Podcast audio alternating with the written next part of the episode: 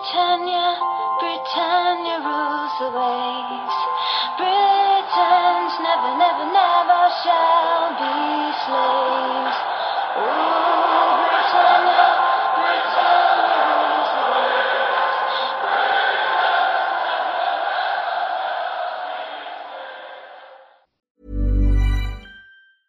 Hiring for your small business? If you're not looking for professionals on LinkedIn, you're looking in the wrong place. That's like looking for your car keys in a fish tank. LinkedIn helps you hire professionals you can't find anywhere else, even those who aren't actively searching for a new job but might be open to the perfect role. In a given month, over 70% of LinkedIn users don't even visit other leading job sites. So start looking in the right place. With LinkedIn, you can hire professionals like a professional. Post your free job on linkedin.com slash people today.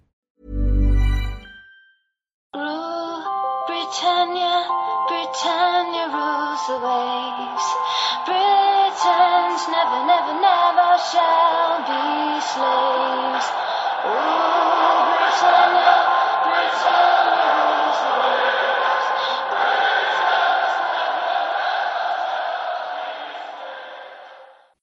Hej och välkomna till Svenska FPL-podden avsnitt 47. Det kryper närmare eh, sig en Game Week 1-start och Eh, vi spelar in nu tisdagen den 6 augusti. Nu är det dags för oss att avslöja våra tankar kring poddlaget och hur det med största sannolikhet kommer se ut. Det är såklart att det kan ske vissa små förändringar här inför beroende på transferfönster och eh, skadesituation och sådana saker och presskonferenser. Men här är våra grundtankar. Vi kommer presentera ett, eh, ett mer spikat lag antingen sent torsdag kväll eller fredag, under fredagen på vår Facebook-sida Svenska FPL-podden. Innan vi hoppar in i vårt poddlag är vi extremt glada att presentera ett samarbete med Dynamo Sport som arrangerar sportresor bland annat till Premier League. I vårt samarbete kommer nu vinnaren av poddligan att få ett presentkort till ett värde av 3000 kronor att åka på sportresa för, förslagsvis till Premier League och se ditt favoritlag. Sport ska upplevas på arenor och hos Dynamo Sport kan du alltid köpa lösa fotbollsbiljetter eller färdiga paketresor med flyg, hotell och biljetter. Självklart kan de även skräddarsy din resa helt efter dina behov. Dynamo Sport jobbar med officiella biljetter för att du som kund alltid ska känna dig trygg. De som jobbar och driver Dynamo Sport är stora FPL-älskare precis som jag och Stefan och eh, de har hållit på med fotbollsresor mellan 10 och 30 år. Om du aldrig åkt på sportresa är det dags att göra det. Utöver Premier League har de biljetter till alla de större ligorna och även till andra stora sportevenemang. Passa på att se din kapten live i Game Week 1. Det finns bland annat biljetter kvar för alla som vill se Salah på Anfield nu på fredag. Jätteroligt tycker jag. Vad säger du Stefan? Ja, det är fantastiskt. Man blev ju riktigt sugen också på att åka iväg själv och kika lite Arsenal. Ja, jag har redan varit inne och kikat och kanonpriser verkligen. Och, ja, det får nog bli en, bli en resa i år. Jag har varit lite tveksam eftersom jag är hemma föräldraledig och har lite tajt med ekonomin. Men eh, ja, man ska nog kunna få ihop en, en resa. Vi eh, kan väl gå in på laget. Eh, vi kan nämna det. Vi är överväldigade över antal lyssningar och Eh, den feedback vi får. Det är jättekul att se. Men eh, vi vill gärna fortsätta och, och växa så att eh, se till att eh, ge en eh, knuff till polaren som eh, också spelar fantasy alternativt gillar Premier League väldigt mycket och se till att han skapar ett fantasylag och börjar följa oss på Svenska FBL-podden. Och, så blir vi ännu fler i ligan. Det trillar in fler och fler lag. Nu nämnde vi första priset här med Dynamo Sport i poddligan. Vi kommer även ha flera, eh, flera priser. Vi har sedan tidigare presenterat ett samarbete med Glenn Sportsbar i Göteborg och vi hoppas kunna presentera några, eh, några samarbeten till här. Eh, eh, exakt prisbord kommer spikas här eh, inom kort och då lägger vi ut det på vår eh, Facebook-sida. Yes, med det så kör vi. Eh, glöm inte bort att, att joina ligan såklart och eh, koden ligger på vår Facebook-sida. Vi, eh, det är ingen idé att dra någon agenda för det här avsnittet utan vi ska gå igenom laget och eh, hur vi har tänkt, hur vi har resonerat oss fram till det här laget. Vi kommer börja bakifrån med målvakterna och arbeta oss framåt och avsluta med forwards. Eh, ja, eh, om vi säger så här, målvaktsdiskussionen Stefan, eh, vi kan väl börja och eh, berätta vilka, vilka spelare vi har valt. Och då har vi valt två stycken 4,5 målvakter i eh, Pope i Burnley och eh, Heaton i Aston Villa. Eh, båda är ju gamla Burnley-målvakter men eh, Aston Villa gjorde ju klart med Heaton här. Eh, kan du, kan du berätta lite mer om hur, hur vi diskuterar oss fram till det här? Eh, nej, men det är ju två målvakter som eh, vi gillar som har spelat det här spelet eh, i några år. Eh, det var väl tre år sedan som Heaton gjorde det fantastiskt bra i Burnley. Sen blev eh, han skadad och då kom Pope in eh, året efter och gjorde det lika bra han. och sen blev både Pope och Heaton skadade i fjol och därav kom Hart in i Burnley. men nu såldes ju Heaton till Aston Villa och då öppnades det en väldigt fin möjlighet tyckte vi med vad vi anser vara två bra fantasymålvakter för ett bra pris och eh, till råga på allt så roterar de extremt fint. Eh, man kan alltså få många lättare hemmamatcher med de här två om man ställer dem eh, i kassen varannan match. Eh, och eh, det var väl det som gjorde att vi tyckte att det här valet var rätt lätt eh, till slut. Ja, jag har ju privat varit ganska intresserad av att gå på Ederson i kassen och en icke spelande 4,0 målvakt. Eh, det landar ju totalt då målvaktsvärde på eh, 10. Eh, det här landar ju på, på 9. Eh, nu eftersom att Ederson är lite sådär osäker om han kommer starta Game Week 1 och i så fall skulle jag stå helt utan målvakt så känns det inte riktigt som ett alternativ. Det var ju Bravo som vaktade kassen i eh, Community Shield och gjorde det riktigt bra. Så eh, ja, det finns inte så mycket andra alternativ som lockar mig. Det finns 5,5 målvakter, det finns 5,0 målvakter. Ja, det lockar mig inte jättemycket det har varit ett väldigt vinnande koncept eh, tidigare år att jobba med två 4,5 målvakter. I början av den här säsongen tyckte jag det såg svårt ut för jag tyckte inte det fanns så mycket intressanta 4,5 år. Men nu när Heaton eh, försvann till Aston Villa så öppnades den här möjligheten. Ett annat alternativ som man skulle kunna välja för att spara ytterligare pengar det är ju som du gjorde förra säsongen Stefan. Det föll inte helt väl ut då men eh, det kanske är bättre nu, vem vet det är att köra en 4,5 och en 4,0, gärna i samma lag. Säg Brighton och köra eh, Ryan och eh, vad heter han, eh, andra eh, keepern? Button. Precis. Eh, men det skiljer 0,5 och har man möjlighet att gå upp och köra Pope och Heaton istället så skulle jag verkligen rekommendera det. Det ja, jag känner mig väldigt nöjd med det här målvaktsparet. Jag tycker inte det finns så mycket mer att säga. Är det något du vill kommentera? Är det någon 5,5 eller 5,0 som du ändå vill lyfta? Nej, men det var väl det vi tänkte. Vi, vi ratade Allison rätt tidigt eh, för att vi tyckte att det fanns för mycket värde i, i övriga Liverpool-laget och att vi ville ha tre utespelare därifrån. Och i övrigt 5,5-kategorin, eh, där hittade vi väl ingen som vi riktigt trodde på. Jag, jag vill väl tro att eh, det var Juris som kanske låg närmast i den kategorin för oss. Men eh, nej, varken du eller jag fick eh, feeling för honom för det priset i alla fall. Så att därav det här valet då. Mm. Och vi kommer börja med Pope i kassen Game Week 1. De har Southampton hemma, vilket känns som en ja, men, rätt schysst, uh, schysst Game Week. Heaton spelar mot Spurs borta då, Aston Villa. Och uh, ja, man kan väl säga det också med 2,4,5 eh, målvakter så kanske man inte ska förvänta sig nolla efter nolla efter nolla utan förhoppningsvis kan det bli någon nolla här och där men också när de spelar i lag som Aston Villa och Burnley så kommer de få mycket skott emot sig och förhoppningsvis en hel del räddningar. Det är riktigt duktiga målvakter i alla fall. Yes, vi lämnar målvaktsdiskussionen där och går vidare till eh, försvaret. Och eh, jag börjar precis som på målvaktssidan och bara gå igenom vilka fem försvarare vi har valt. Och eh, som vi nämnde fann vi värde i Liverpool och vi har valt att spela med två stycken Liverpool-försvarare i van Dijk för 6,5 och Robertson 7,0. Vidare så har vi valt Sinchenko i Manchester City för 5,5 och Seamus Coleman i Everton för 5,5 och eh, sen så en bänkspelare 4,0 eh, i Lundstram i Sheffield United. Eh, vill du ha några inledande kommentarer Stefan? Ja, men vi kan väl börja med Liverpool-backarna då. Och här har vi gjort en ändring sen efter Community Shield-matchen där vi plockade bort Trent Alexander-Arnold till fördel för Robertson i våra tankar. Och det baserade vi väl på att med både Joe Gomez och Matip friska så tror vi att eh, rotationsrisken på Trent kan vara rätt eh, mycket större än med van Dijk och Robertson.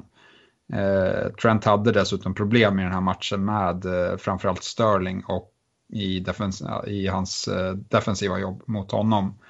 Eh, och det är väl det vi såg lite i början av förra säsongen när, när Gomes var frisk, att eh, vissa matcher så startade han som högerback eh, när de mötte lite tuffare motstånd. Eh, och eh, vi tror det kan hända igen. Mm. Kollar man på antal minuter så tror jag att Robertson kommer trumfa Trent. Men med det sagt så tycker jag inte att Trent är ett dåligt alternativ på något sätt. Utan eh, det är en liten smaksak och eh, Trent har ju uppsidorna med fasta situationer och som du säger att ja, men, det kanske är i de lite tuffare matcherna man väljer att bänka Trent. Och helst vill man ju att de spelar hela tiden, men ska man bänkas någon gång så får det gärna vara mot City borta till exempel och så spelar han mot eh, någon av nykomlingarna och bara får bomba på offensivt. Så att jag håller ändå Trent väldigt högt, men eh, aj, i slutändan, jag är en sån liten fegis eh, och eh, går på det säkra kortet Robertson i det här fallet där jag inte alls ser samma eh, rotationsrisk. Van Dijk tycker jag är helt given. 6,5. Han såg extremt fin ut i Community Shield. Så ja, van Dijk känns given. Vi har även haft vissa funderingar och diskussioner fram och tillbaka att gå med alla tre Liverpool-försvarare, alltså Trent, Robertson och eh, van Dijk. Eh, men valde att inte göra det. det. Nackdelen är att man inte kan ha Salah då, men å andra sidan så eh, kanske man kan ha Sterling och Kane på topp. Det är svårt att få in alla tre har vi väl konstaterat. Eh, ja, eh, det är det. Då tror jag att man får ett för svagt lag i övrigt om man eh, tar alla de tre.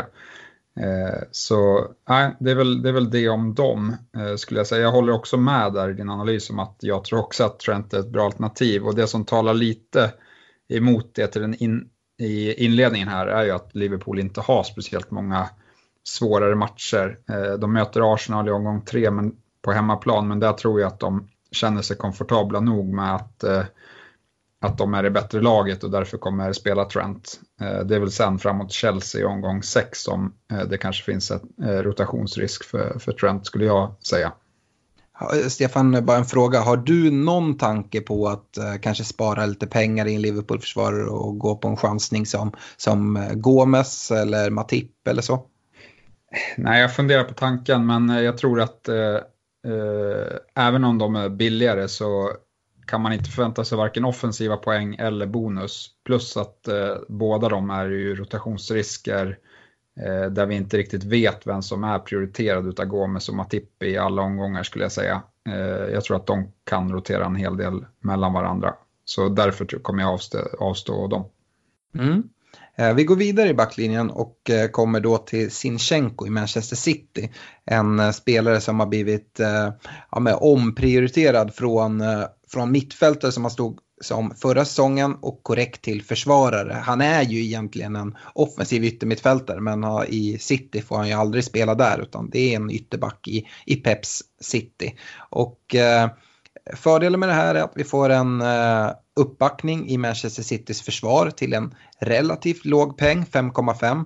Eh, det finns ju andra alternativ där den, den spelare i Citys backlinje som jag tror kommer ta mest poäng över hela säsongen är Laporte, går för 6,5 dock och är lite osäker här inför Game Week 1.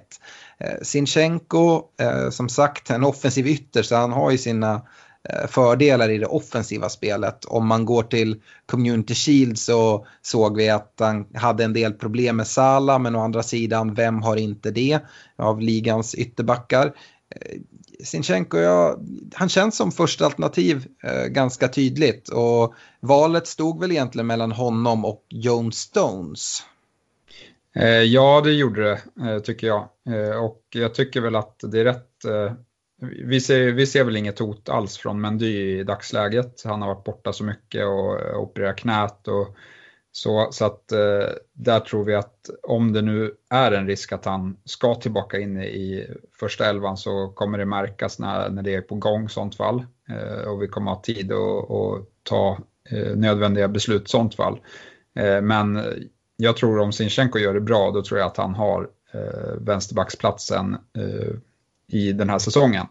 Sen självklart kommer inte han spela alla 38 omgångar, de kommer rotera honom med nyinvärvade Angelino i vissa eh, matcher, men vi tycker att för 5,5 en Cityback eh, känns eh, väldigt bra värde. Framförallt med tanke på hur City avslutade förra säsongen där de var eh, det absolut starkaste laget eh, defensivt. Eh, rätt klart mycket bättre än än eh, Liverpool till och med. Mm, och där ska man väl säga det, det är ju också en av anledningarna till att vi inte gick på tre Liverpool-försvarare. Jag tycker det känns att lägga väldigt många ägg i samma korg. Uh, det släpps in ett mål och sen så förlorar man massa poäng. Uh, sen så har de en möjlighet till offensiv utdelning men jag tycker ändå att ah, det, det väger över.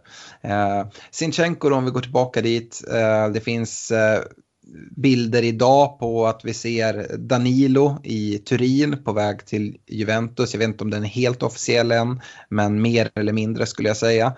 Eh, I motsatt riktning går, vad heter han, något på C? Cancelo. Cancelo. Eh, men Cancelo är ju vad jag känner till i alla fall en högerback och att det kanske mer riskerar John Stones plats i mitten. Att Pep kanske väljer att flytta in Kyle Walker centralt och eh, att då det kan påverka. Eh, Cancelo kommer ju med största sannolikhet spela högerback då. Antingen rotera med, med Walker eller bara göra platsen till sin och Walker får nöja sig med att kliva in centralt. Ja, jag tror att det finns en risk för det. Eller så är det bara att Cancelo kommer bli eh, backup i City. Mm. Eh, men, men det känns som det. Jag tror att uh, utav mittbackarna så är det ju Otamendi, han spelade ju nu bara för att det inte fanns några andra alternativ. vi såg redan förra säsongen att han inte är prioriterad. så Laporte är ju supergivet första val och sen tror jag att det står mellan Stones och Walker faktiskt. Mm. Eh, vi kan släppa den positionen och gå vidare på Seamus Coleman i Everton då. En 5,5 back precis som Sinchenkon ligger samma prismässigt. Eh, Everton har ett jättefint schema och det har vi varit inne på tidigare. Däremot så har de inte imponerat på försäsongen. Kanske framförallt offensivt. De har inte gjort speciellt mycket mål framåt men eh, lite chockerande tycker jag så har defensiven ändå hållit ihop trots att de har eh, sålt eh, Gay i eh, som den här skyddande mittfältsrollen. Jag tycker att han är extremt underskattad och dessutom att Kurt Zuma är tillbaka i Chelsea och han stod för mycket bra insatser förra säsongen. Men eh, de har inte släppt in så mycket mål på försäsongen och eh, med det här motståndet. De inleder ju mot Crystal Palace borta men eh, de har, de har ett väldigt fint schema här de första eh, ja, första sex omgångarna, sen möter de City hemma då. Men eh, ja, det, det, ser väldigt bra ut för, för Everton spelschememässigt och Coleman kan även bidra med offensiva poäng. Den stora frågan har väl varit mellan honom och eh, Digné i Everton vet jag i många fantasyforum. Eh, ja, eh, och eh, bara tillägga där, Everton var väl ett, ett av de lagen när man såg spelschemat släppas som man tänkte att här ska man investera mycket. Eh, men, men som, som, du säger, problemen på försäsongen har gjort att vi har nöjt oss med enbart Coleman. Och eh, även om vi ser risker i, i försvars, att försvarsspelet inte ska hålla så tycker vi att med de här matcherna att det är värt att ändå eh, chansa med Coleman. Eh, och eh, sen är det väl bara ett mer mellan Coleman och Digné, där tror jag att det kommer vara jämnt i poängen. Eh, men här, tror, här jagar vi väl värde framförallt att eh, Coleman är 0,5 billigare och det, det var därför eh, eh, valet föll på honom. Mm, absolut. Eh, vi har ju som sagt två 5,5 försvarare. Det finns ju fler spelare med värde där och vi diskuterade både Maguire som är klar för United och eh, även en annan, ett annat nyförvärv i United i Aron van Bissaka. Och eh, där håller jag Fambisaka högre, speciellt nu eh, i ett Game Week 1-lag. För man ska ha med sig att Maguire, även om han har gjort en försäsong med Leicester så har han inte spelat en enda minut med Manchester United och eh, spelat ihop sig med, med Vigge där i försvaret. Så att, eh, jag är inte helt säker att han startar mot Chelsea. Eh, han, han, kan mycket väl göra det men det finns inga garantier. Och um, ja, därför tycker jag Aron van Bissaka som har haft en fantastisk försäsong med United och bra chans till bonus. Det är möjligt att jag även håller eh, van Bissaka före eh, Maguire eh, oavsett om de spelar. Men just nu så tycker jag det känns givet. Eh, vi har dock, eh, var, Sinchenko skulle vi ha. Vi hade diskussionen lite om vi skulle gå på Coleman eller eh, van Bissaka. Men eh, där eh, det är möjligt att vi kommer göra det bytet om vi ser att Everton börjar släppa in eh, mål och eh, att de eh, ja, men att eh, van Bissaka imponerar stort till exempel. Eh, för en fördel med att ha Coleman eh, jämte van Bissaka är spelschemat såklart. Eh, om man kollar bara de två första eh, gameweeksen så möter United då Chelsea hemma och Wolves borta absolut, det kan bli två nollor, det kan även bli en nolla, men det skulle lika gärna kunna bli att det släpps in mål i båda de matcherna. Jag ser att det är större chans till att Coleman och Everton håller nollor mot Crystal, Crystal Palace borta och Watford hemma. Och sen fortsätter det även med ett bättre schema. Uh, och uh, dessutom så är fan Bissaka väldigt högt ägd. Han ägs av 36,3 procent. Det är den näst mest ägda backen efter van Dijk i Liverpool.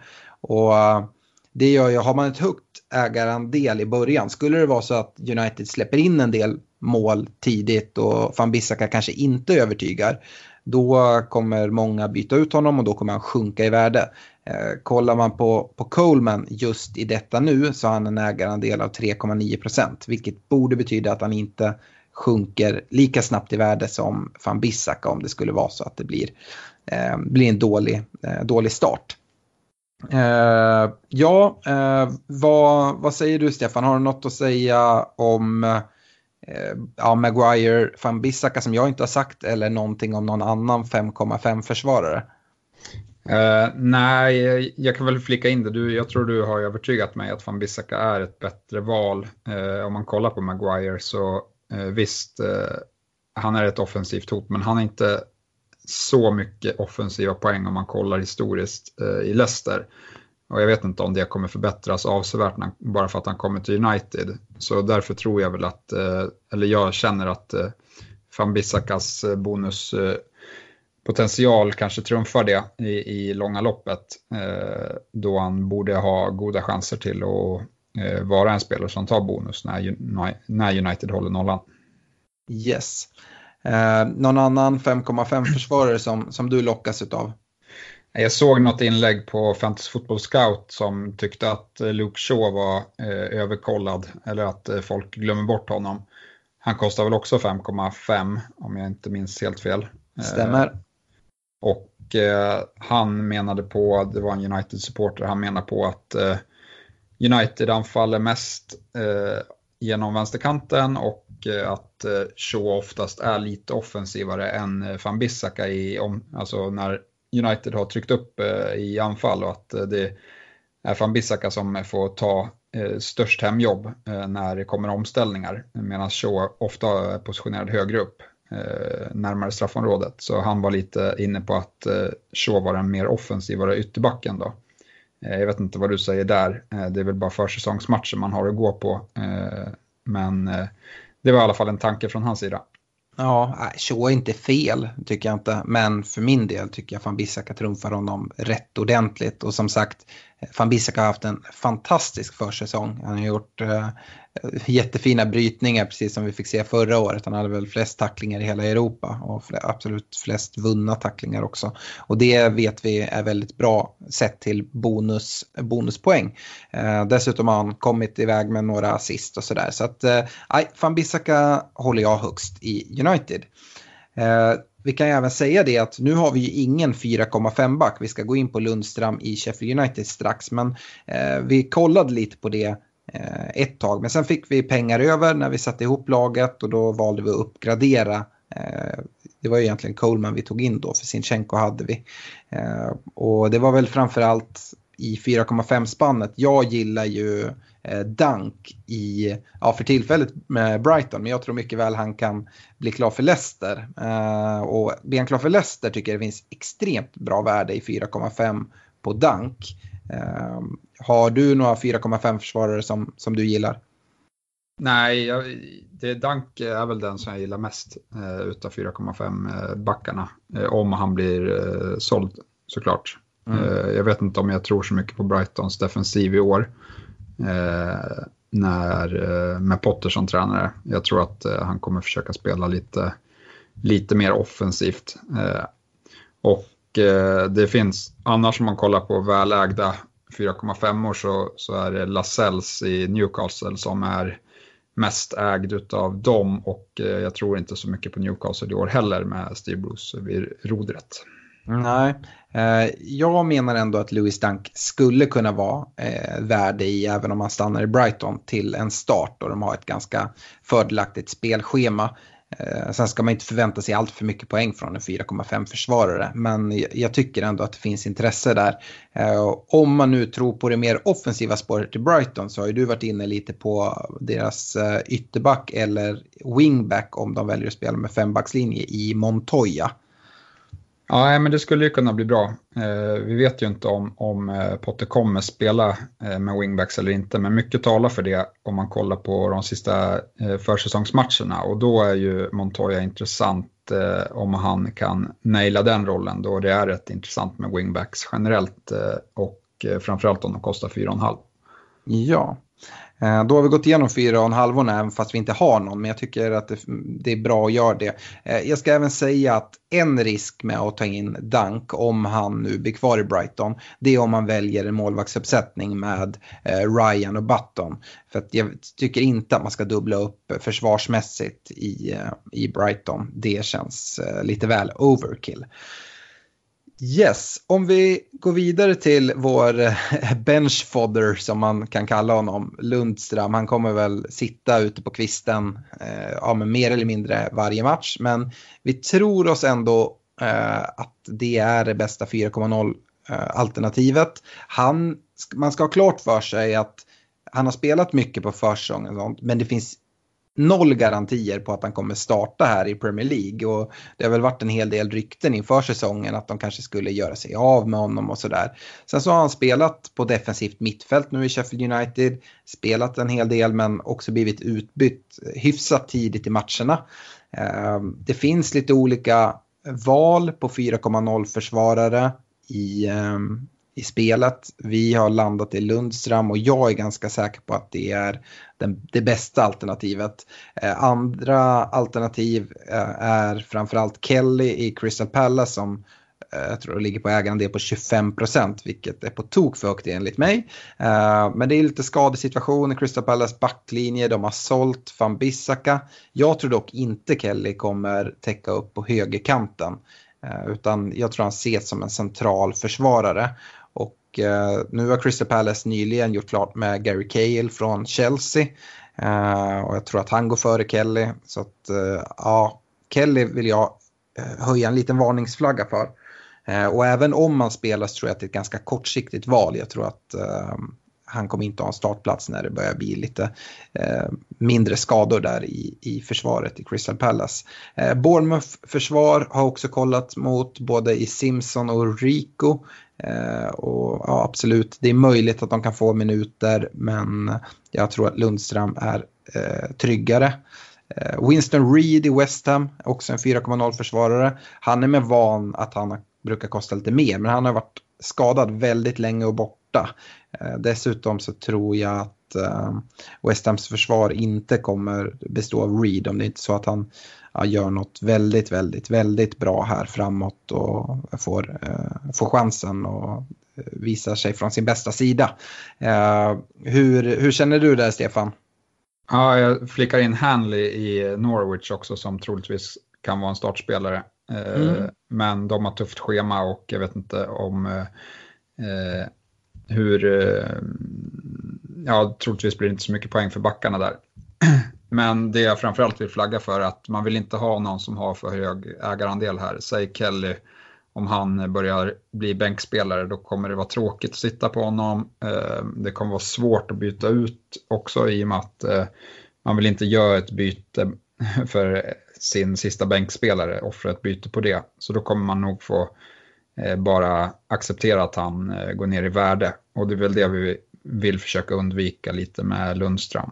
Mm. Den risken finns såklart med Lundström också. Det men, finns det. Men jag tycker att den är, och det gör den väl för alla 4,0 år. Men jag tycker just Kelly då med en ägarandel på 25% där är det överhängande risk. Eh, så att Kelly håller jag mig långt, långt borta ifrån i alla fall. Eh, ja, eh, ska vi nöja oss? Är det någonting vi vill säga om backlinjen i sig? I övrigt? Nej, nej vi har ju gått på en rätt stark backlinje, eh, men vi tror att det kommer finnas värde i backlinjen även i år. Eh, vi tror att Liverpool-backarna kan eh, upprepa och att de inte överpresterar allt för mycket i fjol. De kanske höll någon nolla för mycket, mm. men jag tror att de offensiva poängen de kommer trilla in även i år. Eh, det, det är så Liverpool spelar sin fotboll. Eh, det är mycket ytterbackarna som står för en stor del av eh, det offensiva spelet där. Så att, nej, jag känner mig trygg med det och sen Coleman och Sinchenko, det känns som bra värde för 5,5. Ja, jag är jättenöjd med vår backlinje. Så här kommer det ju vara. Jag tror alla känner det när de sitter och, och fipplar med sina lag. Att man är aldrig 100% nöjd och vi har våra svagheter. Ni kommer få höra om när vi kommer till anfallet. Eh, men eh, vi är väldigt nöjda med, med laget i sig och man kommer inte vara alla, alla lag som man sätter ihop har för och nackdelar och det är vissa spelare man vill ha in som man inte lyckas klämma in. Så är det bara, det måste man acceptera. Eh, men nu ska vi gå vidare till ett mittfält som vi också känner oss väldigt nöjda med i alla fall. Och ja. Ja, jag, ska, jag, kan, jag kan börja här. Eh, vi mm. har väl mer eller mindre avslöjat att vi har Sala i, i laget och han eh, är vår dyraste mittfältare. Eh, vi har även kört på Sterling som är den näst dyraste spelaren i spelet. Så det vi har lagt väldigt, väldigt mycket pengar här på mittfältet, eh, men eh, vi kan börja med de två. Eller ja, sen har vi också PRS eh, i Leicester, Lucas Mora i eh, Spurs och eh, Den Donker i Wolves. Men om vi börjar med de två dyra då så kände väl både du och jag när vi satt och kollade Community Shield att det här är läskiga spelare och sitta utan, eller vad säger du? Ja, alltså det, man kan skratta åt Sterling där vid friläget. Eh, men så där vet vi, det där är Sterling. Jag tror kommentatorerna pratar om det också, att eh, Sterling ska inte ha för mycket tid att tänka. Utan han ska bara få liksom eh, dra in bollarna, få bollen och sen folk nära in på sig. Men Nej, Sterling jättegiftig.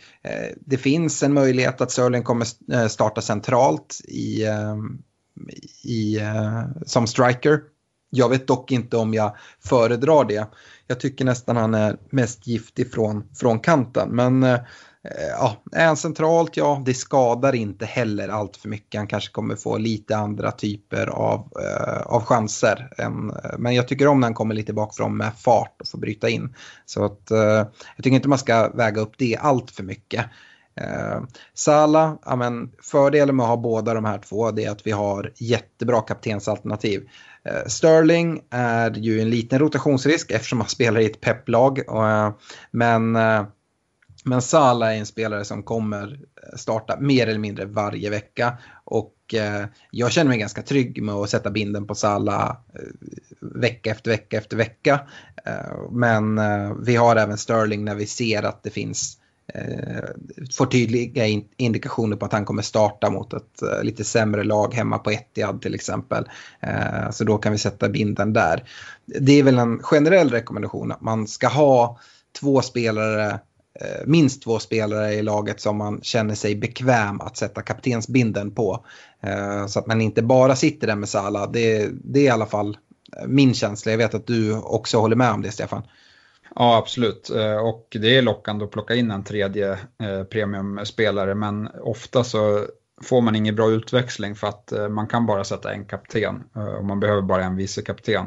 Eh, och det ska väldigt mycket till om något händer båda de spelarna. Mm. Så att, nej, rekommendationen är att ha två, två dyrare spelare och sen försöka hitta värde i resten av laget. Det, så tycker jag att, att det är bästa sättet att gå tillväga. Mm.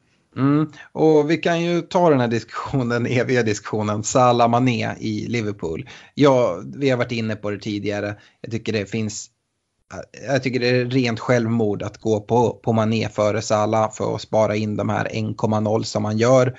Vi såg Mané eh, inte få, få speltid i Community Shield eftersom att han eh, gick hela vägen till final i Afrikanska mästerskapen. Eh, jag ser det inte alls som omöjligt att eh, Mané får, eh, inte får en enda minut i matchen mot Norwich eh, eller alternativt blir inbytt. Eh, så att eh, ja, dels det på kort sikt men även på lång sikt över hela säsongen så ser jag det troligare att Salah kommer eh, ta mer poäng än Mané. Och den där 1,0 som jag får där tycker jag inte gör tillräckligt mycket. Jag tror även att Sala är tilltänkt straffskytt eh, om inte Milner är på plan. Och ja, jag tycker fördelarna väger över. Jag känner mig mycket mer bekväm också att Eh, Eh, sätta kaptensbinden på Sala än Mané. Speciellt eftersom att Mané från förra året till exempel mer eller mindre inte levererade på, på bortaplan. Sala har även en större bredd på poäng. Eh, Mané väldigt få assist. Eh, Salah har lite fler. Och ja, jag vill ha spelare som kan ta poäng både ja, på, till höger och, och till vänster. Ja, jag håller med och det, det som jag gillade med Salah också var ju att han eh, eh, gjorde ju 90 minuter här i Community Shield. Eh, det fanns ju ett litet frågetecken inför där då han bara hade spelat en träningsmatch. Eh, men han såg pigg ut under de här 90 minuterna och även om inte avsluten eh, kanske var satt där de skulle, eh, han hade en del eh, lite misstajmade avslut som han alltid har, men jag tror att man, han eh, han borde bli ännu bättre när han har fått eh, lite mer matcher i kroppen och då, då känns han giftig här.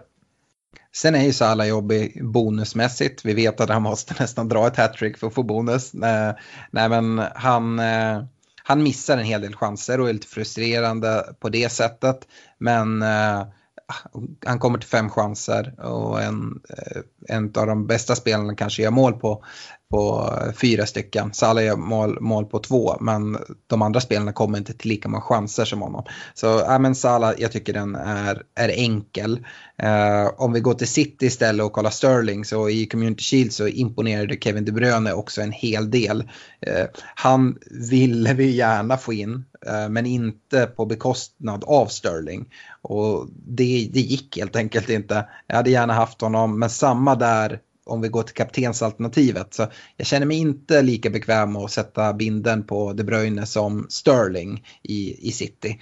Och dessutom, eh, jag tycker det är svårt att veta med Pep, det tycker väl alla. Men eh, efter Kevin De Bruynes eh, skadefyllda förra säsong, att eventuellt om han kommer matchas lite mer sparsamt. Jag tror inte den risken är lika stor med Sterling. Sen så har vi den här diskussionen med Sané, kommer han gå till Bayern München? Om man nu eh, går för Sterling så kan man nästan hoppas lite på det.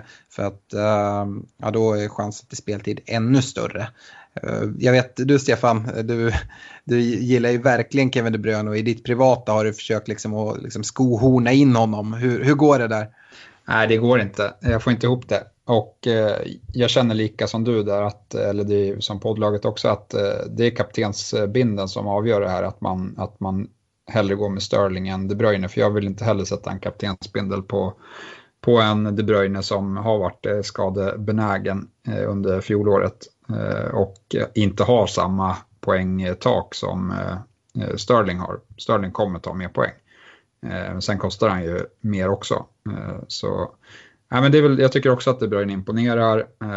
Och sen det här med Sané-transfern, det skulle ju vara Eh, jackpot för Sterling. Jag tycker han är absolut farligast när han kommer eh, från vänster och bryter in. Eh, vilket han inte gör alla matcher när Sané är med i bilden, för då spelar Sané där. Eh, skulle Sané säljas då har de ju Bernardo Silva och Mares och båda de eh, spelar ju bäst på högerkanten. Då kommer Sterling få spela på vänsterkanten eh, uteslutande, skulle jag säga. Ja, så vi håller tummarna här. Bayern München chippa, chippa in lite pengar på, på Sané nu och lös den transfern så känns det ännu bättre här. Eh, om det inte framgår så älskar vi ju Kevin De Bruyne. Så kan man få in honom och känna sig nöjd med sitt lag så, eh, så är det jättebra. Eh, jag tycker heller inte att man ska säga att det vi säger att ja, men vi går på Sterling och vi känner oss jättenöjda med det. Eh, det är inte fel att gå med Kevin De Bruyne eh, framför Sterling och då inte ha Sterling. För eftersom du spar 2,5 du kan investera dem på annat håll. För oss hade den stora diskussionen vara att kunna investera de 2,5 i anfallet istället. Som vi har ja, men, ganska, ja, det finns nackdelar med vårt anfall, vi kommer komma till det eh, och återkomma till den här diskussionen. Men eh, det kan mycket väl vara ett eh, vinnande koncept. Och som sagt, Sterling kommer förmodligen ta mer poäng än Kevin De Bruyne. Men det man måste se på är ju de här 2,5 eh, som du kan investera på annat håll. Och så får man kolla på två spelare, vilka tror vi kommer ta mest poäng ja, på kort sikt men även på lång sikt beroende på hur ens strategi är. Eh, har vi avhandlat eh, de två spelarna, tycker du att vi kanske ska nämna Bernardo Silva i City? Han ligger på 8,0. Ja, det kan vi absolut göra. Eh, och jag jämför Bernardo Silva eh, mot eh, till exempel eh, Sigurdsson eh, eller Richarlison i Everton framför allt. Eh, och tänker vem som ska ta mest poäng där. Jag tycker att Bernardo Silva är en fantastisk fotbollsspelare, men jag tror inte han kommer ta lika mycket poäng som eh, Everton-spelarna över en säsong. Eh, och därför är jag inte intresserad av honom. Jag tror att, jag har svårt att säga, han är lite för dålig målskytt skulle jag säga, han gör lite för lite mål.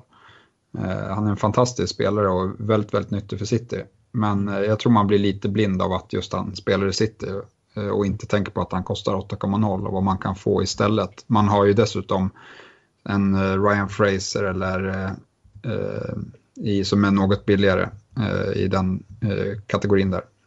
Ja, det är lätt att lockas av att man vill få in tre ljusblåa tröjor i sitt lag, man vill få in tre stycken röda Liverpool-tröjor och att man då går på de här lite sämre alternativen. Att ah, men jag, jag går på Bernardo Silva istället för Sterling eller Kevin De Bruyne. Jag går för eh, Joe Gomez istället för de här premiumförsvararna och försöker spara in pengar. Men jag skulle säga det att ah, det, det är prisskillnad av en anledning och får du verkligen ihop ett så mycket bättre bättre lag utan de här och dessutom hittar du de här äh, riktigt bra kaptensalternativen.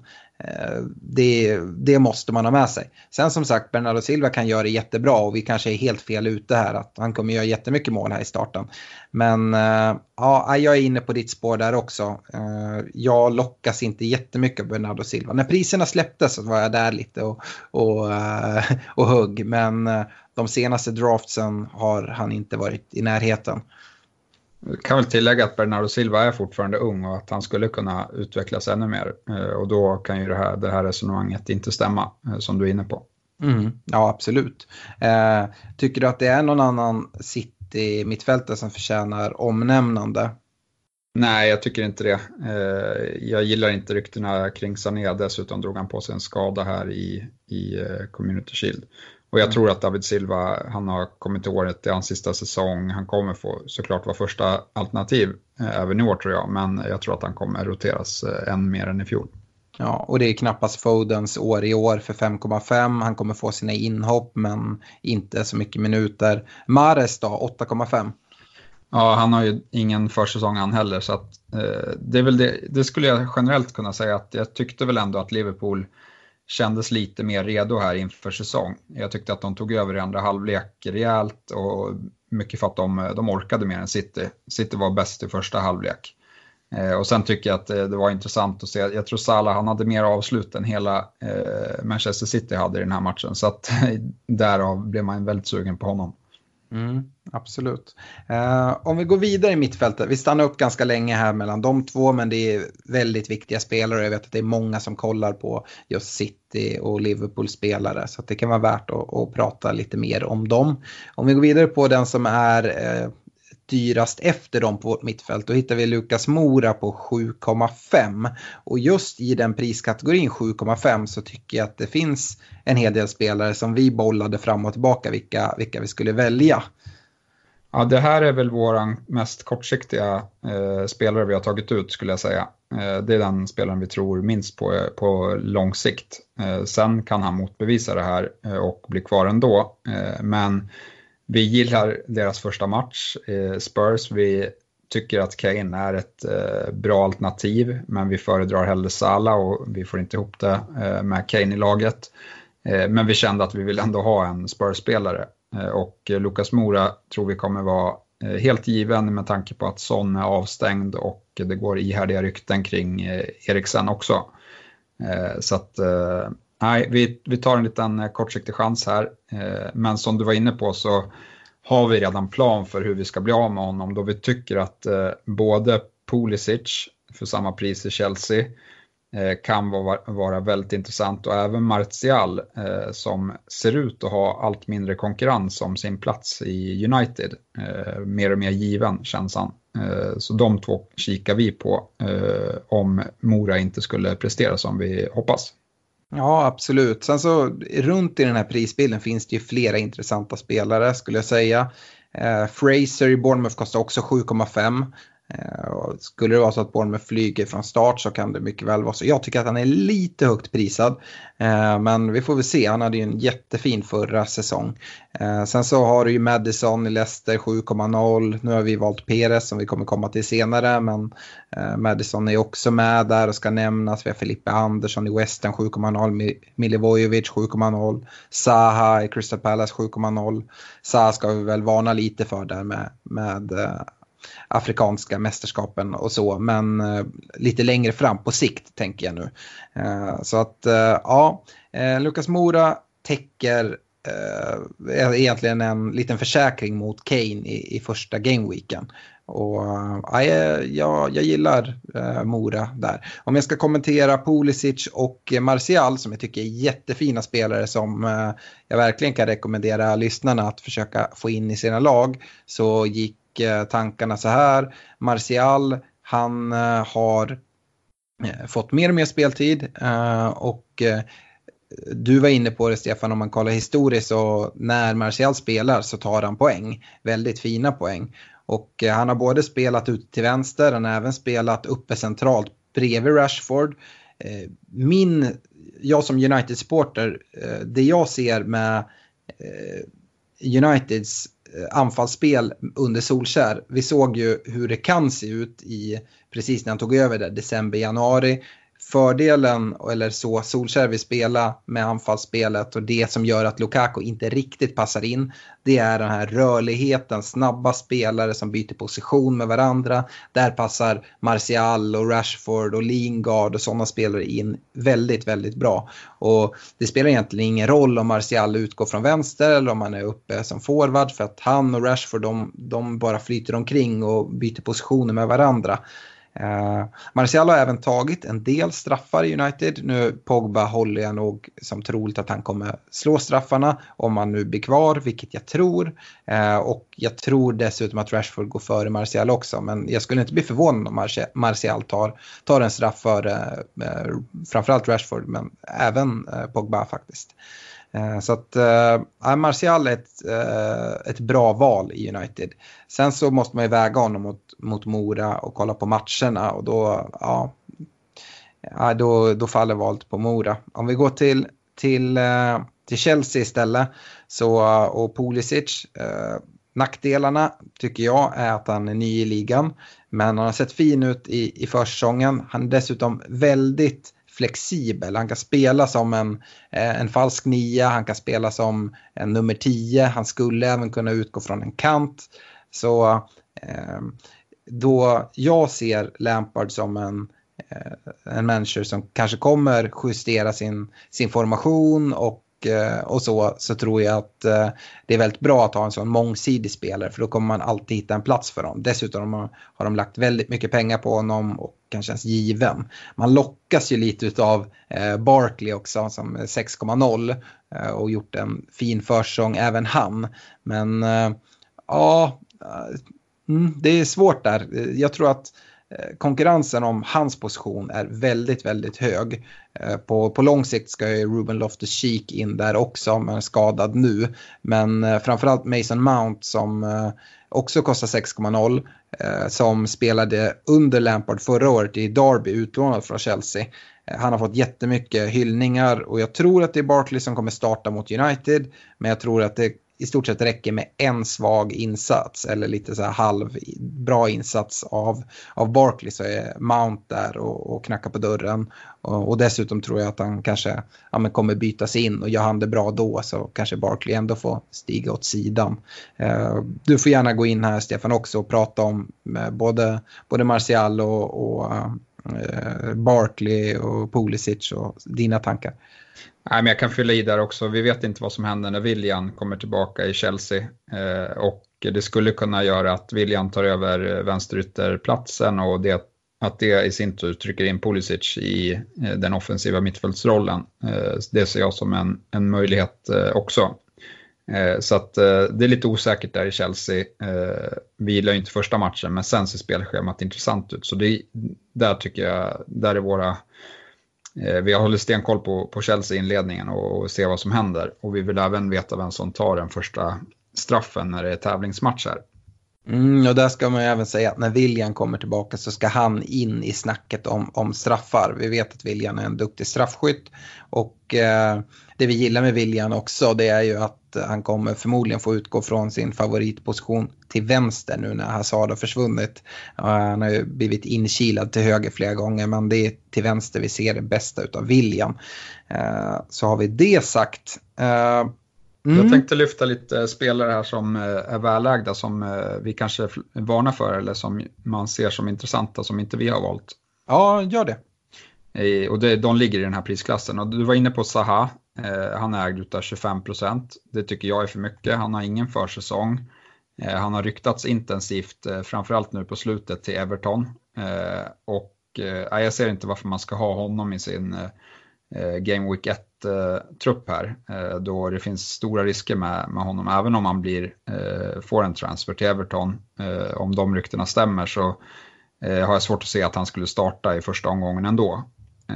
Sen har vi Fraser på 20 Eh, och där är väl känslan, jag tror Fraser kommer göra eh, det helt okej. Okay. Det, det var en del rykten i början av säsongen, eller först silly season, att han skulle till Arsenal han uttalade sig att han var väldigt eh, smickrad av de ryktena. Men vi vet inte hur det här har påverkat hans eh, liksom, mentala del. Eh, men jag får i alla fall känslan av att både Wilson och Fraser kanske överpresterade lite i fjol. De gjorde det jättebra, men kommer de kunna upprepa det och eh, har folk läst hur de eh, Eh, spelar tillsammans? Eh, det är väl så jag känner med honom.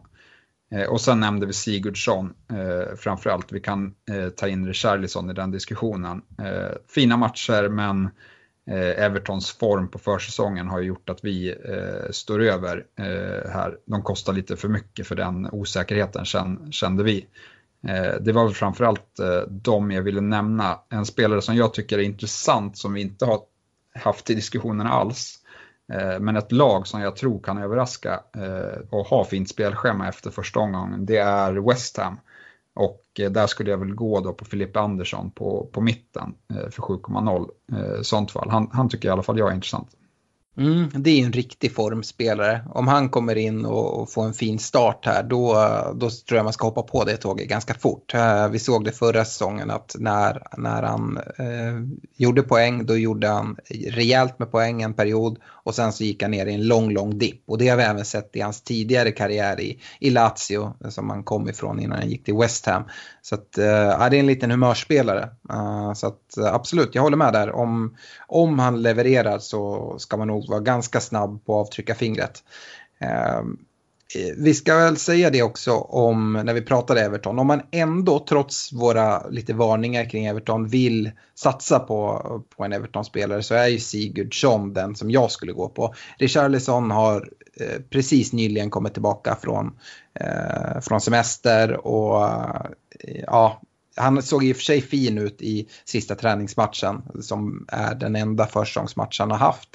Men uh, jag, jag gillar Sigurdsson mer. Vi har haft det här i tidigare avsnitt och vi har pratat om båda. Uh, och eh, Richarlison har ett högre tak med poäng men Sigurdsson ser jag som större chans att på lång sikt ta, ta mer poäng. Så att Sigurdsson är min spelare som jag skulle välja. Speciellt här inför Game Week 1 om man vill satsa på en av dem på grund av Richarlisons då eh, nyligen tillbakakommande från, från semester. Eh, yes, Uh, i Leicester, man skulle kunna vara lite taskig mot honom och säga att det är en kompromissspelare. Men jag tror att jag har övertygat dig Stefan om eh, uh, Peres uh, Ayose storhet. Uh, jag tror ju jätte, jättemycket på Jamie Vardy som vi inte har fått in i det här laget kan vi avslöja. Men uh, Ayose tror jag kommer spela som en second striker alternativt eh, bredvid eh, Vardy där uppe. Och eh, de har investerat mycket pengar i honom så man är osäker på om man kommer få spela. Eh, tror jag inte att man behöver vara det. Jag tror att han är en given startspelare. Och eh, ja, eh, du var inne på Thielemans som jag inte, alltså jag gillar honom som spelare supermycket och hade älskat att se honom i, i United. Nu knuck Leicester honom. Men Eh, Eh, i fantasy, jag tror att han kommer komma lite defensivt. Men innan vi tar den diskussionen, eh, Ayose Perez, Stefan? Ja, jag har väl två eh, inflikar här. Eh, dels så gillar jag vad jag ser, han förbättras i varje säsong i Newcastle och liksom eh, blir bättre och bättre. Dessutom eh, har han blivit omklassificerad till mittfältare i år, eh, vilket kommer gynna honom då han spelar i ett bättre lag, så då har han på Eh, chans att ta en pinne för hållna nollor och så får han ju ett poäng för mål och han är ju en riktig måltjuv den här killen. Eh, så det kommer gynna honom eh, att stå som mittfältare. Men det som kanske är lite oroväckande det är att han har spelat tre försäsongsmatcher och alla har varit i olika system. Som du nämner så en match så, så var han eh, i ett tvåmananfall med Vardy när de testade en 4-4-2 eh, med diamant på mitten. Eh, sen har han spelat i ett 4-1-4-1 system och då var han ute till vänster. Och sen har han spelat i ett 4-3-3 eh, spel och då var han också ute till eh, vänster. Eh, och ja, men, men, men med det sagt så tror vi jättemycket på Leicester, både du och jag, Eh, den här säsongen och han kommer nog göra det bra. Sen hittar jag lite oroväckande statistik att eh, han brukar börja säsongerna riktigt svagt och de två senaste eh, första halvorna av säsongen då har han gjort, eh, mäktat med två eh, mål och en ass i ena säsongen och den andra så har han gjort ett mål och en ass de första 19 omgångarna. Så det hoppas vi att han eh, bryter den här säsongen då. Ja, och det är frågan om det beror på att Newcastle har haft jobbiga inledningar och att han har dragits med av det. Jag tycker han har en bättre miljö om man nu ska prata för honom. Men man ska såklart ta med de här siffrorna. Eh, jag tror, nu kan jag ha fel, jag tror även att han kan ha missat vissa matcher i inledande säsonger i Newcastle de senaste säsongerna på grund av lite skadeproblem. Eh, om jag inte har helt fel för mig. Så det kan också vara någonting som, som inverkar i, de här, eh, i den här statistiken. Pratar vi Leicester och deras spelschema så har du och jag debatterat lite här. Jag menar ju att deras eh, inledda spelschema inte är så tufft som det kan verka. Eh, offensivt sett. Eh, de möter Wolves hemma i första matchen, det har vi varit inne på. Jag tycker det är en kanonmatch med anledning av att Wolves har en jobbig Europa League bortamatch sent torsdag kväll i Armenien. Eh, och därför är den matchen mycket bättre än vad den annars skulle vara. Eh, det är absolut bästa, äh, bästa tiden på året att möta Wolves skulle jag säga. Eh, sen så andra matchen, Chelsea borta. Visst, det är en tuff match. Men Leicester är, gillar att möta topp 6-lagen. Och sen så har de Sheffield United borta, Bournemouth hemma, bra matcher. Sen är det dubbla röda där med United och Tottenham.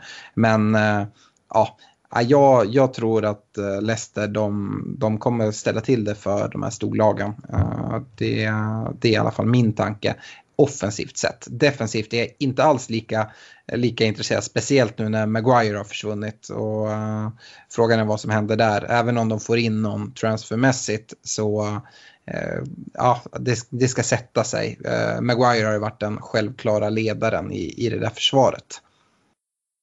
Ja, nej, det, beror, det beror helt på hur långsiktigt man, man ser här och ofta så eh, blir det ju väldigt mycket transfers i början så man kanske inte ska kolla allt för många matcher fram just eh, i början av säsongen ändå. Eh, och då håller jag med om att det finns lite fina matcher. Eh, men, men vill man vara långsiktig då, då finns det även lite risker. Men vi har valt på honom och eh, det känns bra nu. Ja, ska vi ställa han i jämförelse mot hans mittfältskollegor i Madison för 7,0 och Thielemans 6,5?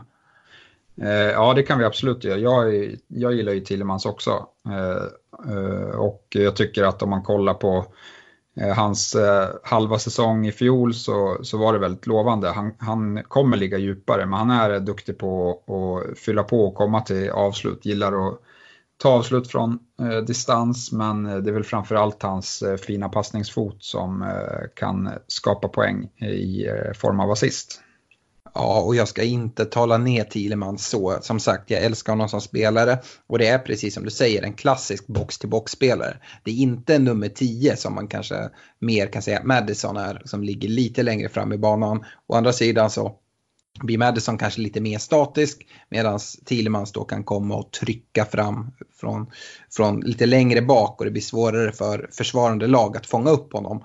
Eh, men eh, Ja, jag, jag gillar inte att han kommer längre ner och jag tror att eh, värvningen av Perez kan göra att han kommer ännu längre ner i, i banan. Vi, vi får se där. Eh, Madison då Stefan, du tycker att det är en spelare som eh, kanske inte riktigt får ut sin eh, potential i eh, form av poäng. Nej, eh, man ägde honom rätt mycket i fjol och eh, han skapade läge på läge men det blev aldrig poäng. Eh, han hade väl lite otur kanske vissa gånger.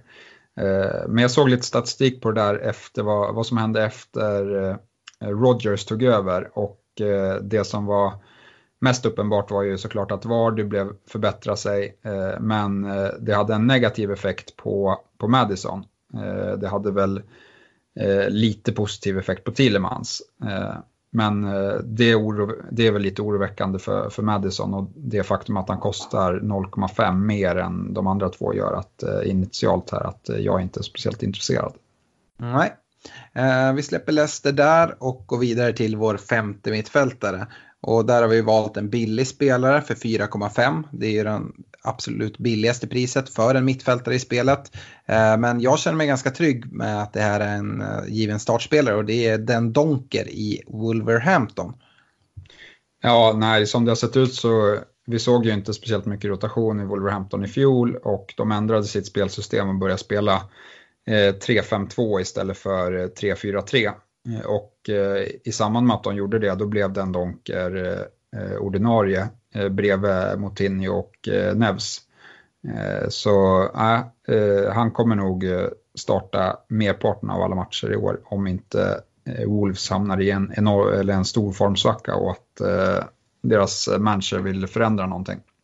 Eller rekrytera in någon ytterligare portugis på mittfältet. Exakt. Uh, nej men eh, vi kan jämföra mot andra 4,5-or. Uh, eh, de mest ägda, den Donker är den mest ägda 4,5an. Uh, annars har du Isaac Hayden i Newcastle och du har Guendouzi i Arsenal. Uh, sen så går det neråt. Men den jag kollar mot om jag ska sätta dem liksom mot varandra då är det nog Oriol Romeo i Southampton som Eh, jag skulle kunna vända mig emot. Men den Donker tycker jag är mycket bättre. Eh, bra chanser på, på, eller hyfsade chanser för en 4,5 ska man säga, för offensiv utdelning i, med sitt huvudspel. Den Donke var ju Wolves förra säsongen, men då på lån. Nu har han anslutit permanent från Anderlecht och det kan omöjligt vara negativt. Eh, den Donke var en av de första spelarna som jag, jag vände mig mot för jag visste att vi skulle behöva en 4,5 eh, mittfältare. Eh, om man istället har lite mer pengar över eh, och har 5,0 eller 5,5 så tycker jag att det finns intressanta spelare. Eh, I 5,5-klassen så gillar jag eh, Moutinho, eh, hans mittfältskollega i Wolves, eftersom han tar fasta situationer. Jag vet att du inte är riktigt lika såld Stefan, eh, eftersom att du inte kan se varför han skulle ta så mycket mer poäng än vad han gjorde förra säsongen. Kan köpa det till viss del, men eh, jag, jag gillar Moutinho. Eh, fin försäsong dessutom. Och eh, går man på 5,0 så tycker jag att Eh, det är en spelare som ja, men lite har glömts bort om man kollar ägarandel. Och det är Emil Höjbjerg i Southampton. Ägs över 1,1 procent för 5,0. Och eh, han tyckte i alla fall jag var en av Southamptons absolut bästa spelare under Hassenhüttel. Uh, och ja, men han, han gillar jag. Uh, så att, uh, ja, är det någon annan du vill lyfta upp eller vill du kommentera någon av de här spelarna jag nämner?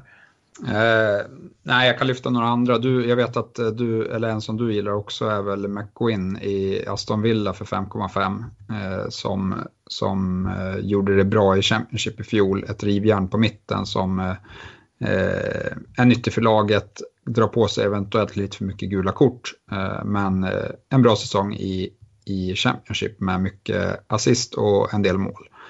Eh, Sen har vi ju för 5,5 som jag tror på en hel del, då är det Westwood i Burnley eh, som jag tror kan eh, göra en fin säsong. Han framförallt har gjort eh, mycket assist eh, om man kollar eh, i fjol. Eh, och jag tror att eh, Burnley eh, kommer göra en bättre säsong i år med tanke på att de inte har något Europaspel. Eh, Eh, skulle jag välja någon för 5,0 då har jag nog mest kikat på Oliver Norwood i Sheffield United. Men de har ett tufft inledande spelschema. Mm. Eh, jag kan lägga till det med McGinn. Det är många som kollar på McGinn och Graylish. Graylish kostar 6,0, McGinn 5,5. Kollar man deras siffror från Championship förra året så McGinn tar mer poäng. Jag tycker att Graylish solklart är en bättre spelare än McGinn. Men jag, tror, jag förstår inte riktigt prissättningen ur ett fantasyperspektiv. För det är helt ointressant hur bra en spelare är. Utan det som är viktigt är poängen då i fantasypoängen. Och då håller jag McIn mycket högre. Eh, Aston Villa är ju dessutom väldigt eh, intressanta i den anledningen att jag tycker både McIn och Graylish är sådana här eh, box-till-box-spelare som fyller på in fint liksom, i, i, i boxen. Så går Aston Villa bra så tycker jag McIn kan vara, kan vara ett bra alternativ. Eh, ska även nämna en, en varning i någon som har ganska hög ägarandel eh, i den här prisklassen. Det är Kanté i Chelsea, absolut hyfsat säker startman. Eh, har ju haft lite eh, så här, tveksamheter i, i speltid. Men han har, fick ett inhopp här eh, i sista träningsmatchen. Eh, men han fick ju en hel del poäng förra säsongen. Men det är väl framförallt för att eh, Sarri använde honom i en eh, lite konstig roll kan jag tycka och ganska många med mig. Eh, där han fick spela i en box-till-box-roll. Det är jag ganska säker på att Lampard inte kommer ge honom utan det kommer vara den här rollen som man, en skölden framför backlinjen där han är som, liksom, ja, men för mig, absolut bäst i världen. Eh, så eh, därifrån kommer man inte ta så mycket poäng. Men om man bara tänker att man ska ha en startspelare, men då, då går jag mycket hellre på till exempel Höjbjerg i SA-15 då jag tycker att han har ett eh, högre poängtak än eh, Kanté. Så, ska vi nöja oss med mittfältet där eller har du några kommentarer du vill skjuta in? Nej, det är nog bra om vi kommer upp på forwards nu. Ja, och då kommer vi till den lagdel som jag skulle säga är mest eftersatt i vårt lag. Och eh, den stora anledningen till att den är eftersatt det är att jag tycker inte den är speciellt flexibel. Alla våra tre anfallare ligger i priskategorin 6,5 eh, det finns flera intressanta 6,5 anfallare. Så eh, det behöver inte vara fel. Men det är ganska svårt att om Kane gör toksuccé i början att få in honom eh, Eh, på, på ett snabbt sätt. Jag skulle gärna ha någon som är lite, eh, har lite högre värde. Men eh, med det sagt så eh, går vi in på spelarna. Och vi har eh, Joshua King, Norrbaggen i eh, Bournemouth för 6,5. Vi har Chris Wood i eh, Burnley för 6,5 och vi har Jota i Wolverhampton för 6,5. Eh, Stefan, ordet är ditt. Ja, men vi kan börja med King då. Eh, Bournemouth har ju en eh, helt okej inledning, eh, rätt bra till och med. Eh, och eh, här stod ju valet, eh, ska man ha Wilson eller King? Eh, och eh, vi tror väl att Wilson kommer ta mer poäng i år också, men vi tycker att 1,5 miljoner är för stor differens. Och kikar man på statistiken från i fjol så matchade King Wilson på hemmaplan, men det var på bortaplan där han hade nästan noll i utdelning. Eh, och eh, underliggande så, så hade han inte så dålig statistik utan han, han hade nog en del otur på bortaplan att han inte fick eh, mer poäng. I alla fall om man ska tro eh, rent statistiskt vad som borde ha hänt honom. Så att förhoppningsvis så blir det lite, ja men att att statistiken kanske faller lite väl bättre ut för King och att han får lite mer poäng på bortaplan och kan komma närmare Wilson och då tycker vi väl att eh, han trumfar honom i värdemässigt i alla fall. Ja, absolut. Jag håller helt med.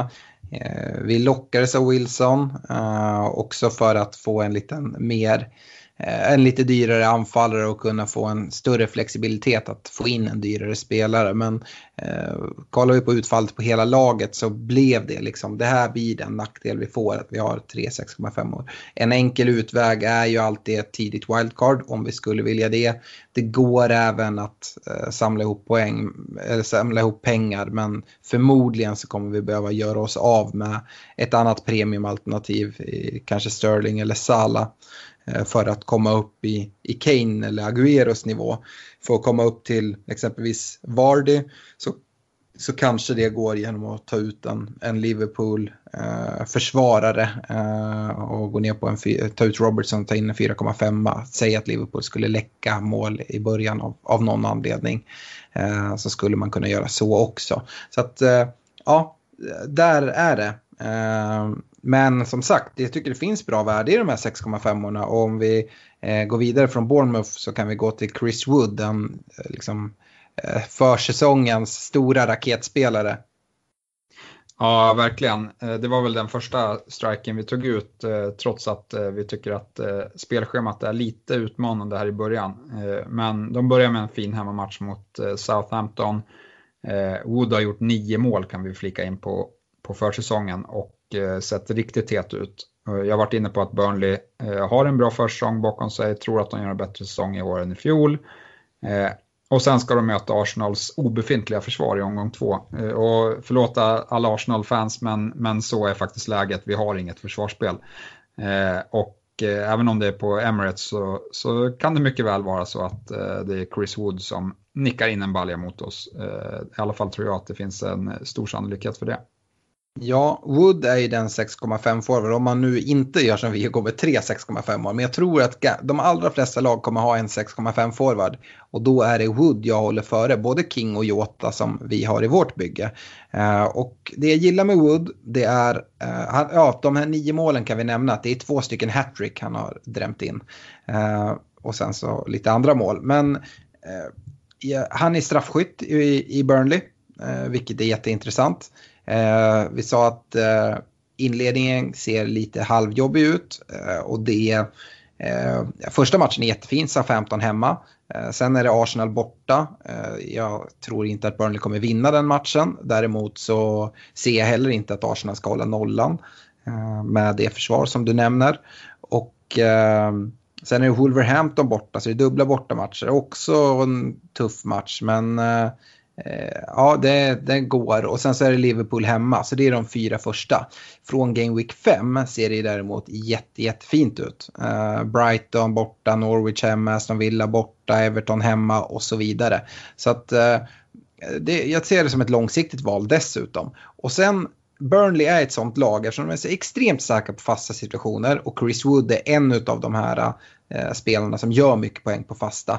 Det, det är ju att Ehm, de kan göra mål mot eh, vilket lag som helst. Jag skulle inte bli förvånad om Chris Wood gör mål mot Liverpool till exempel i Game Week 4.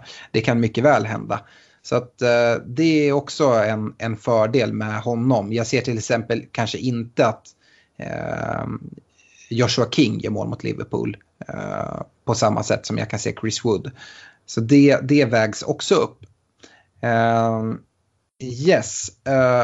Jota då i Wolverhampton. Eh, ja, eh, vi såg vad Jota gjorde förra säsongen. Jag Eh, när vi satt här för ett år sedan så pratade jag upp Jota jättemycket inför säsongen. Det följer sådär ut de första gameweeksen. Men sen kom han igång och kanske framförallt eh, här på våren när de bytte spelsystem så tycker i alla fall jag att eh, Jota trumfade Jiménez som var den stora succéspelaren sett över hela säsongen i Wolves tillsammans med Matt Doherty. Eh, men eh, ja, eh, Jota, Stefan. Ja, vi, vi är ju lite avvaktande till eh, Wolverhamptons eh, inledning av säsongen här. Som du säger, de gör allt för att komma med i Europa League eh, och har ett jobbigt kval som kommer påverka framförallt första omgången men säkert andra omgången en del också.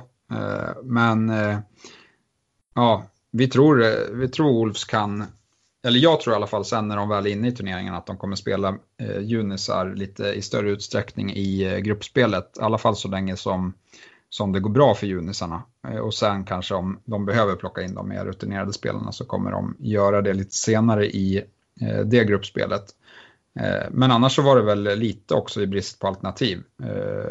Skulle jag säga. Det här var väl den som jag var mest osäker på i alla fall utav de forwards vi har tagit ut här.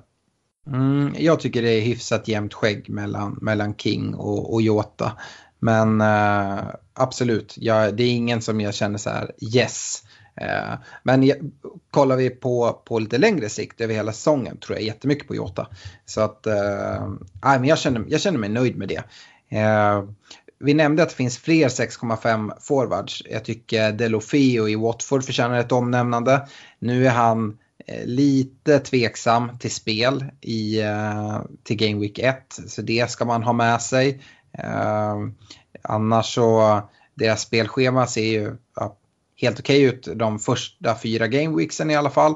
Eh, och Delofeo är intressant. Nu står han ju som anfallare, var mittfältare förra året. Det är inte positivt för honom men eh, eh, han är ändå intressant och jag kan absolut se att vi kanske kommer ha Delofeo någon gång under säsongen. Det håller jag inte alls som omöjligt.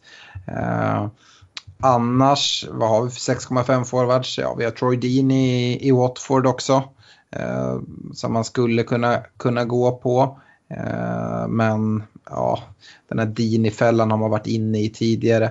Vi har Joel Linton i Newcastle 6,0 eller Ings i Southampton 6,0. Kan också vara alternativ men vi tycker inte att de slår ut våra, våra eh, tre 6,5 år just nu. Men det är spelare som kanske kan komma in i, i undersäsong under säsong någon gång. Uh, ja, uh, vad säger du Stefan om andra i samma priskategori? Eh, nej, men det är väl framför man kan ha en diskussion med Jiménez kontra Jota. Du var väl inne på det där att efter de bytte spelsystem så var det inte lika stor skillnad på de spelarna. Och eh, där tror jag också att värdemässigt att eh, eh Jota kan hänga med Jiménez bra i poäng, eh, poänggörandet och eh, då kommer det vara bättre värde i Jota. Det är i alla fall så vi tror. Eh, Jiménez får eh, motbevisa det eh, om det är så. Eh, annars så finns det väl några intressanta nyförvärv som skulle kunna bli bra, men de kostar lite mer. Eh, jag kan väl nämna, eh, det ser ut som att Tammy Abraham kanske är startstriker i Chelsea, eh, men vi tror att, eh, som du var inne på, att Lampard kan rotera lite eh, sina strikers efter vilka motstånd han ska möta.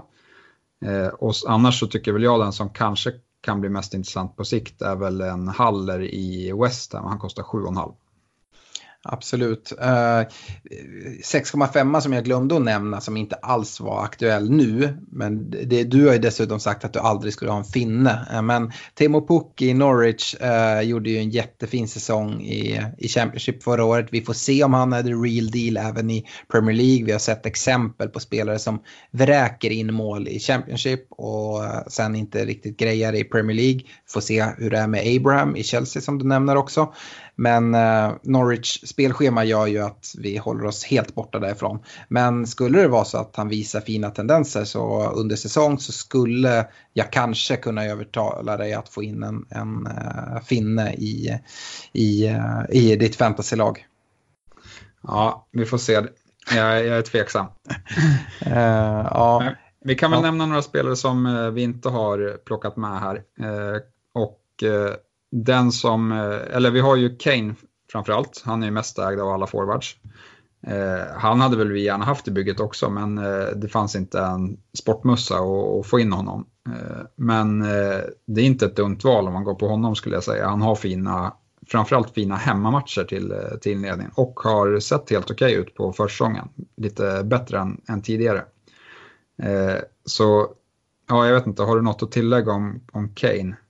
Ja, vi är inte helt överens om det här, men eh, om jag hade haft Kane Eh, så hade jag satt kaptensbindel på honom i Game Week 1 mot Aston Villa. Även om jag hade haft, eh, liksom, det troliga är då att jag hade haft Salah och Kane som mina premiumalternativ och lämnat Sterling utanför. Och eh, då hade jag ändå valt Kane, för jag tror att eh, Salah kommer vara väldigt mycket mer eh, kaptenad än vad Kane är. Och jag tror definitivt att eh, Kane har hyfsat stora chanser att, uh, att slå Sala på fingrarna uh, i antal poäng i Game Week 1. Uh, eh, det är hyfsat 50-50 men av den anledningen att det, jag tycker att det är 50-50 så, så lutar jag mot, mot Kane då som färre kommer ha som kapten. Ja, jag, jag tror jag litar på att Sala över säsong tar mer poäng och därför så vill jag hellre ha honom som kapten i en sån omgång. Nej, jag tycker båda har likvärda matcher eh, hemma mot eh, nykomlingar. Så. Mm. Uh, yes, så det är väl det jag har att säga där. Uh, du kanske kommer gå in på andra anfallare också, men jag vill säga en Eh, en spelare som är vald väldigt mycket som dessutom spelar i mitt eh, Manchester United är Mason Greenwood. Eh, ynglingen där, 17 år gammal bara.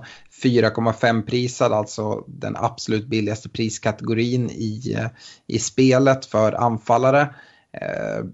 Ägs av nästan 15 procent och Ja, man kan absolut gå på honom. Eh, vi har ju gått på en taktik att vi vill ha bänk, en ganska billig bänk men ändå med spelare som vi tror kommer ha goda chanser till, till mycket speltid. Och uh, det skulle jag inte säga att Greenwood har, även om han har imponerat på försäsongen till viss del. Och uh, Solskär har pratat väldigt gott om honom, han kommer få speltid under säsongen. Det svåra med att ha honom i laget det är att veta när han får speltid. Ehm, ett sätt kan då vara att starta med honom i varje omgång och hoppas att han får spela. Problemet med det är ju att han mycket väl kan få ganska korta inhopp och sådär. Det är ganska vanligt för unga spelare och då går han in och tar en pinne när han eh, får ett inhopp i 91. Det är inte jättekul. Ehm, så det tycker jag känns lite jobbigt. Eh, skulle det vara så att vi ser att det blir några skador i United och att Greenwood eh, får starta flera matcher i rad, men då kan det vara ett läge att ta in honom. Men jag vill gärna ha en billig bänk men med startspelare så därför eh, tycker jag att det är lite en fälla. Men eh, man kan gå på det men då ska man vara medveten om, att, om riskerna med det. Eh, så det, det vill jag nämna. Samma går väl att nämna om, om jag ska nu prata United och Greenwood och fin försäsong ska väl du få nämna er Arsenal, eh, Arsenals motsvarighet. Eh, ja, du tänker på Enketia eller? Precis. Ja, nej men han är ju en yngling som har fått chansen på försäsongen men jag tror likt eh, Greenwood där att det var på försäsongen. Eh, nu när det väl vankas eh, liga här så kommer eh, han inte vara första val. Han kommer få nöja sig med att göra inhopp i, i matcher. Eh, men jag kan ta upp eh, lite diskussion om premiumanfallarna och där eh, hamnar ju Aubameyang som också har eh, imponerat på, på försäsong. Eh, men som jag ser det så jag vet inte, jag, jag gillar inte Arsenals inledande spelschema eh, riktigt så mycket. Eh, de har ju två helt okej matcher att börja med, men sen är det Liverpool och Tottenham. Eh, så mitt råd eh, med Arsenal eh, är väl att avvakta till omgång 6 eller omgång eh, 8, eh, då spelschemat ser mycket bättre ut. Och eh, det är väl där, där jag står och sen vet vi inte vad vi kommer få se, men jag, jag ser både eh, Lacazette och Pepe eh, som, eh, potentiellt mer värde än Aubameyang. Även om Aubameyang troligtvis kommer ta eh, mest poäng så tror jag att eh, Lacazette och eh, PP eh, eventuellt kan, kan matcha honom och då till en mycket billigare peng. Eh, så därför tror jag att eh, han kan vara värd. Sen vill jag ju skicka ut en varning till Agüero eh, som eh, ägde av över 20 procent. Eh, han har gjort noll eh, försäsongsminuter och spelade heller ingen minut här i Community Shield. Så jag skulle säga att han är högst eh, osäker till start här i, i omgång ett. Ja, men under säsong så kommer säkerligen Agüero vara en spelare som är väldigt nyttig att ha. Och given kaptenspelare. Och det är möjligt att det kommer vara en sån sån skiftning man gör lite senare. Att Sterling kanske åker ut, eventuellt lite beroende på prestationer om man tar in Agüero. Jag tror att man kommer behöva ha Sterling eller Agüero eh, under, under säsong när eh, Agüero är uppe i match, matchform. Eh, men vi får se, det är även möjligt att det här, det har man ju pratat om tidigare, att det här är säsongen då Jesus får lite mer speltid och Agüero är ett år äldre och Jesus ska fasas in tror jag. Eh, sen får vi se om det är den här säsongen eller hur det blir. Eh, ja, VAR det har vi pratat om. Ska vi nämna något om Firmino i Liverpool? Ja, nej, ja det, kort kanske, men det ser, det ser ut som att eh, på det sättet Liverpool spelar nu så kommer inte han till eh, lika många lägen som Salah och Mané gör, utan det, det är mer Salah och Mané som får stå för det absoluta målskyttet eh, och Firmino får nöja sig med att göra de lite enstaka kassar men framförallt eh, assistera sina eh, yttrar där. Eh, det är väl så det har sett ut de senaste säsongerna i alla fall. Mm. Eh, jag tycker även vi kan prata Everton. Vi har ju sagt det, de har inte sett bra ut offensivt. Däremot har de gjort det nyförvärvet med unga Moise Keane från Juventus, prisad 7,0. Eh, spännande, men även osäkert skulle jag säga. Eh, annars har det ju varit Calvert Lewin som har fått husera på topp, 6,0 prisad.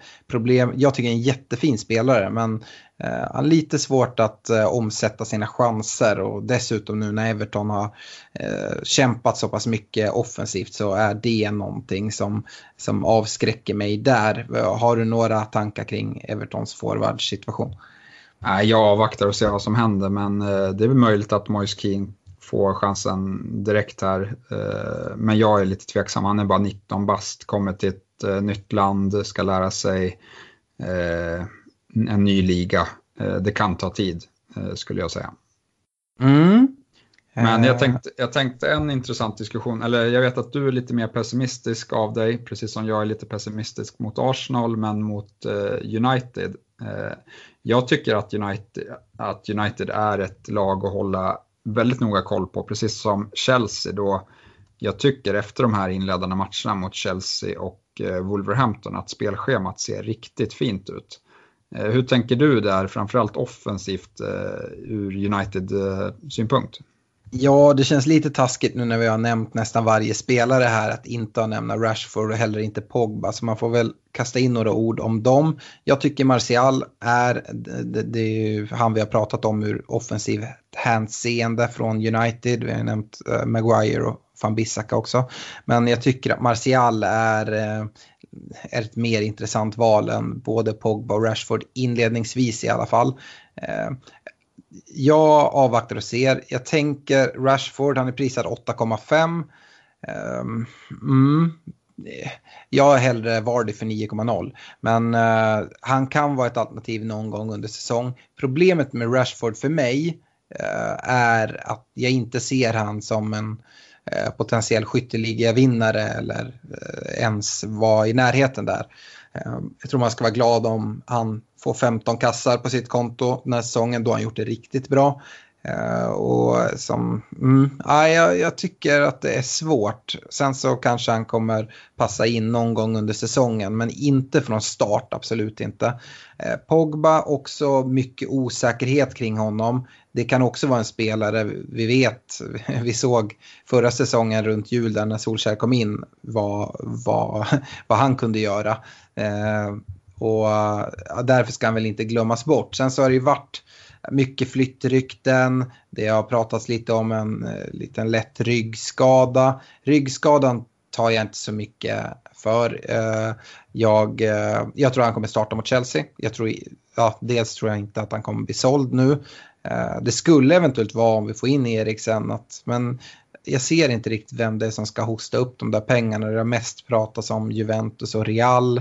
Men det är ofta så här att de ska kasta med någon spelare eh, Eh, som de lite ska trycka in. Och nej, jag, eh, jag ser inte Pogba lämna. Eh, får vi se om jag har fel.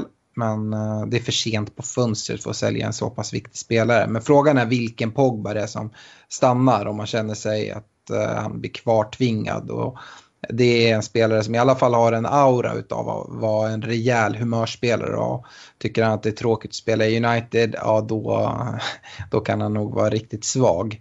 Men eh, jag tycker man ska hålla ögonen på Pogba ändå. Visar han eh, glädje och eh, spelar på det sätt han kan göra så, så är han intressant. Eh, hur, hur är dina tankar kring, kring United-spelarna, framförallt då Rashford och eh, Pogba. Nej, men jag håller väl med lite. Rashford är lite högt prissatt och man kan ju ställa honom mot Vardy och eh, då, du, som du säger, Vardy känns, eh, känns bättre där. Eh, det är väl den korta analysen där. Eh, och Pogba, jag håller med också där, för mycket osäkerhet i dagsläget men jätteintressant om han visar tendenser på den formen han hade när Solskär tog över såklart, eller ens i närheten av den formen, så, så kan han vara intressant för han kan också vara på straffarna till exempel. Nej men det, det därför jag vill lyfta det var för att jag tycker att det har fallit en del pusselbitar på plats för United här på slutet med fått in van Bissaka och Maguire i försvaret. Eh, svagheten jag ser är väl likt, eh, likt Arsenal att eh, på mittfältet och kanske framförallt defensivt mittfält att det ser lite svagt ut och hur de kan lösa eh, den biten. Eh, men, men det kan bli spännande också om, eh, eh om de får till det. Jag skrev lite med en av mina bästa vänner här tidigare idag som också är United-supporter att jag tycker det är helt ofattbart att det inte har gjorts en enda mittfältsvärvning eh, i United och vi Eh, är nu tisdag kväll. Transferfönstret stänger eh, torsdag kväll. Och jag tror inte att det kommer komma in någon. Eventuellt Eriksen då, men det är kanske inte den speltypen som jag framförallt tycker vi har behov av. Vi har tappat Ander Herrera till PSG på free transfer. Eh, en utav Solskärs absolut viktigaste spelare när United gick som allra bäst där i, eh, runt årsskiftet. Men eh, det har inte kommit in någon ersättare där. Eh, Matic, ja men visst, det finns en spelare där, men han är långsam och kan bli äldre. Och ja, och så osäkerheten kring, kring Pogba. Jag tycker att eh, det är lika sjukt, jag skrev det till, till, till, min kompis då, att det är lika sjukt med Uniteds mittfältssituation som det är med Arsenals för, försvarssituation. Eh, att det inte görs någon värvning där ser jag som jätte, jättekonstigt. Och, eh, jag tror att om det inte görs någon värvning där så tror jag att United kommer få, få käka upp det och att det kommer vara Eh, kanske ett prio i ett januarifönster. Då det är väldigt svårt att göra stora värvningar, att försöka få in någon, någon defensiv eh, mittfältare, alternativt i alla fall en box-till-box mittfältare. eh, Eh, som inte är en ren, ren offensiv eh, kraft. Eh, på mitten. Annars så kommer det bli en, kanske att vi missar topp 4 och att det kommer bli stora priot nästa sommar. Det är min gissning. Jag tror att vi kommer få käka upp det ordentligt. Eh, och det, det är den här, vi har förstärkt upp vårt försvar enormt nu med van Bissaka på högerbacken som då ersätter Ashley Young. Jätte, jätteförbättring där. Och eh, även Maguire in bredvid Vigge som vi förväntar oss. Eh, det är också en jätteförstärkning. Eh, frågan är dock eh, oavsett hur bra försvar det är så skulle man vilja ha en liksom sköld framför, framför backlinjen. För att det, det spelar ingen roll vad du har för försvar om man kan springa rätt igenom ett mittfält. Och det tror jag kommer, kommer bli, bli tydligt om vi inte gör någonting där. Det, det är i alla fall min tanke. Och det är väl det jag vill då varna lite för när vi nämnde Maguire och van Bissak Att backlinjen ser bra ut men med det här äh, lite ihåliga mittfältet om jag ska vara snäll äh, så, så kan vi ändå se stora, stora risker att försvaret kommer utsättas för ganska jobbiga situationer. Äh, ja, nu har jag pratat United. Ja, nej, men det, det, får väl runda av där. Jag tycker vi har nämnt alla spelare av värde som vi har sett i alla fall. Och vi kommer väl publicera lite eh, 50-50 spelare, ställa dem mot varandra här på Facebook eh, inför eh, sista deadlinen här och även publicera vårt slutgiltiga lag om någonting skulle förändras. Yes, vi, vi, kan väl även säga det. Vi lägger ut bild på det här laget på, på Facebook-sidan så man ser det där. Eh, vi kan säga att som det ser ut just nu så kommer vi starta med 4-4-2. Så vår bänk kommer vara Heaton i kassen, sen så på första plats Jota, eh, andra plats Den Donker och tredje plats Lundström. Kaptensbindeln eh, är jag ganska säker på att den kommer hamna på Sala hemma Norwich och en vice kapten på, på Sterling. Eh, så så tror vi att det kommer se ut. Och ja, det finns väl ingen anledning att tro att det ska bli några större förändringar. Men det kan alltid hända saker som sagt. Det är någonting man får, får skjuta in.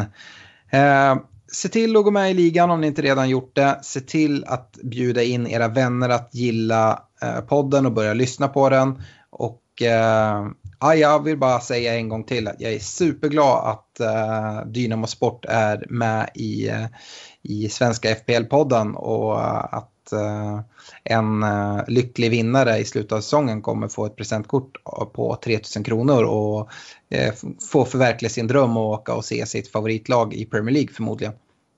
Ja, jätte, jättekul. Eh, som sagt, vi hoppas kunna presentera fler samarbeten och ett spikat prisbord inom kort. Eh, men just för den här gången så tackar vi för oss och önskar alla ett stort lycka till och eh, plita på era lag. Eh, vid nästa avsnitt då vi hörs, då kommer vi tillbaka eh, med ett eh, ordinarie avsnitt där vi pratar ner Game Week 1 och eh, summerar den, kollar på Game Week 2, vilka spelare som har imponerat eh, direkt här i inledningen och vilka som eh, man ska passa sig för. Vi kommer få väldigt många svar här i Game Week 1 så se till att kolla mycket fotboll nu i helgen. Det börjar redan på fredag klockan nio med Liverpool Norwich som sparkar av. Så ja, ha det bra allihopa och lycka till så på återhörande. Ja, tack och hej.